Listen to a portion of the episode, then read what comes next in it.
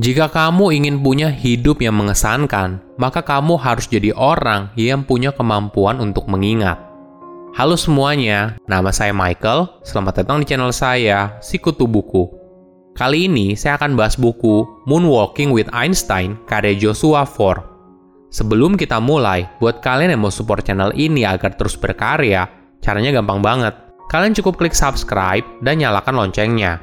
Dukungan kalian membantu banget supaya kita bisa rutin posting dan bersama-sama belajar di channel ini. Buku ini membahas soal bagaimana kamu bisa meningkatkan kemampuan ingatan. Pernah nggak kamu lupa nama seseorang atau sulit mengingat kembali di mana kamu menaruh file yang dua tahun lalu kamu simpan? Hampir sebagian besar manusia dilahirkan dengan mesin memori yang persis sama. Dan ingatan dulunya adalah bagian penting dari semua kehidupan manusia. Namun seiring berkembangnya zaman, manusia semakin banyak mengganti sistem mengingat dengan sistem untuk mengingatkan. Hingga akhirnya, begitu banyak dari kita lupa bagaimana menggunakan mesin di dalam diri kita. Apalagi di zaman sekarang, kita menggunakan kemampuan memori kita semakin sedikit. Saya merangkumnya menjadi tiga hal penting dari buku ini. Pertama, kemampuan memori bisa dipelajari.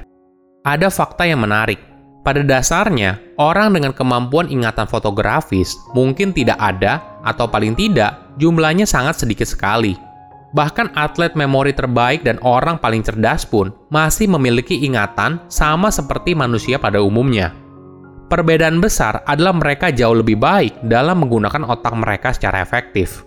Sebuah keterampilan yang bisa dicapai oleh siapa saja dengan latihan teknik memori kuno pertama kali diperkenalkan sebagai istana memori yang berusia 2500 tahun. Pada zaman dulu, kemampuan memori jauh lebih penting dan ingatan merupakan alat yang fundamental. Namun seiring berkembangnya zaman, banyak yang mengira bahwa kebutuhan akan ingatan yang baik menjadi mubazir setelah buku telah diproduksi secara massal dan kamu bisa mencari informasi apa pun di internet. Inilah yang lalu menyebabkan banyak orang mengalami penurunan ingatan dan menganggap itu adalah hal yang alamiah. Sebenarnya, hal tersebut terjadi karena mereka tidak konsisten melatih otak mereka untuk mengingat. Jika kamu merupakan orang yang pelupa, jangan berkecil hati. Ada yang bisa kamu lakukan dengan berlatih metode phonological loop. Melalui metode ini, kamu akan mengulang sesuatu yang perlu kamu ingat Metode ini merupakan metode klasik yang dilakukan oleh psikolog K.E. Erickson dan koleganya Bill Chase. Waktu itu, mereka mempresentasikan seorang sarjana yang dikenal dengan nama inisial SF yang bertugas untuk mengulangi angka yang diminta. Pada awalnya, SF dapat mempertahankan sekitar 7 angka dalam lingkaran fonologisnya, yang dianggap sebagai hasil rata-rata. Namun, setelah mempraktikkan tes ini selama 250 jam, SF mampu mengembangkan ingatannya berkali-kali lipat. Ini mungkin merupakan metode yang kamu lakukan saat kamu sekolah. Kamu berusaha untuk menghafal pelajaran sebelum ujian. Selain phonological loop, seseorang juga meningkatkan kemampuan memorinya dengan cara menjadi ahli di bidang tertentu. Pada tahun 1940-an, sebuah riset menemukan kalau pemain catur yang ahli punya kemampuan yang disebut sebagai chess memory. Ini merupakan kemampuan mereka dalam melihat papan catur dengan cara berbeda dibandingkan dengan pemain yang kurang berpengalaman. Walaupun begitu, kemampuan memori para ahli catur secara umum masih sama seperti kebanyakan orang. Namun kemampuan memori mereka di permainan catur jauh berbeda. Kedua, kenapa kemampuan memori kita menurun? Pada zaman dulu, sebelum masyarakat mengenal tulisan, informasi dibagikan dengan cara lisan. Tradisi lisan ini bergantung pada orang tertentu yang membawa pengetahuan dan warisan budaya. Misalnya, di Yunani kuno ada penyanyi dan penyair yang menceritakan mitos para dewa sebelum dicatat dalam sebuah naskah. Bahkan para tokoh hebat pada masa itu juga dikenal memiliki ingatan yang sangat baik. Misalnya, Pliny the Elder menulis tentang sosok luar biasa bernama Sineas yang dapat mengingat semua nama senator dan satria di Roma hanya dalam waktu satu hari saja di sana. Raja Cyprus juga dikenang karena mengetahui setiap nama prajurit yang bertempur di sisinya selama pertempuran. Hal ini menunjukkan di zaman kuno, sebelum buku diproduksi secara massal, penting untuk memiliki ingatan yang baik. Alasan lain mengapa daya ingat kita semakin buruk saat ini adalah karena menurunnya pentingnya membaca. Sebelum adanya buku modern seperti sekarang, waktu itu dikenal dalam bentuk naskah.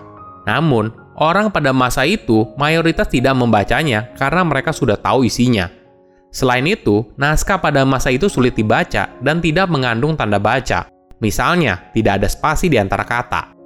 Bahkan saat itu, membaca dianggap sebagai hal yang buruk. Filsuf terkenal bernama Socrates percaya kalau membaca akan menyebabkan kelupaan serta kemunduran intelektual dan moral. Tapi kemudian, pada tahun 1440, Johannes Gutenberg menemukan mesin cetak. Dengan penemuan ini, buku menjadi lebih mudah diakses dan lebih murah untuk diproduksi. Hasilnya, orang-orang dapat membeli lebih banyak buku dan mulai membacanya dengan kecepatan yang semakin tinggi.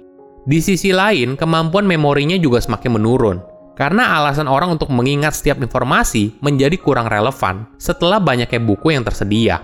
Apalagi di zaman sekarang, kita bergantung pada penyimpanan eksternal seperti di smartphone atau komputer, karena alat ini memiliki kemampuan yang jauh lebih cepat daripada memori kita sendiri.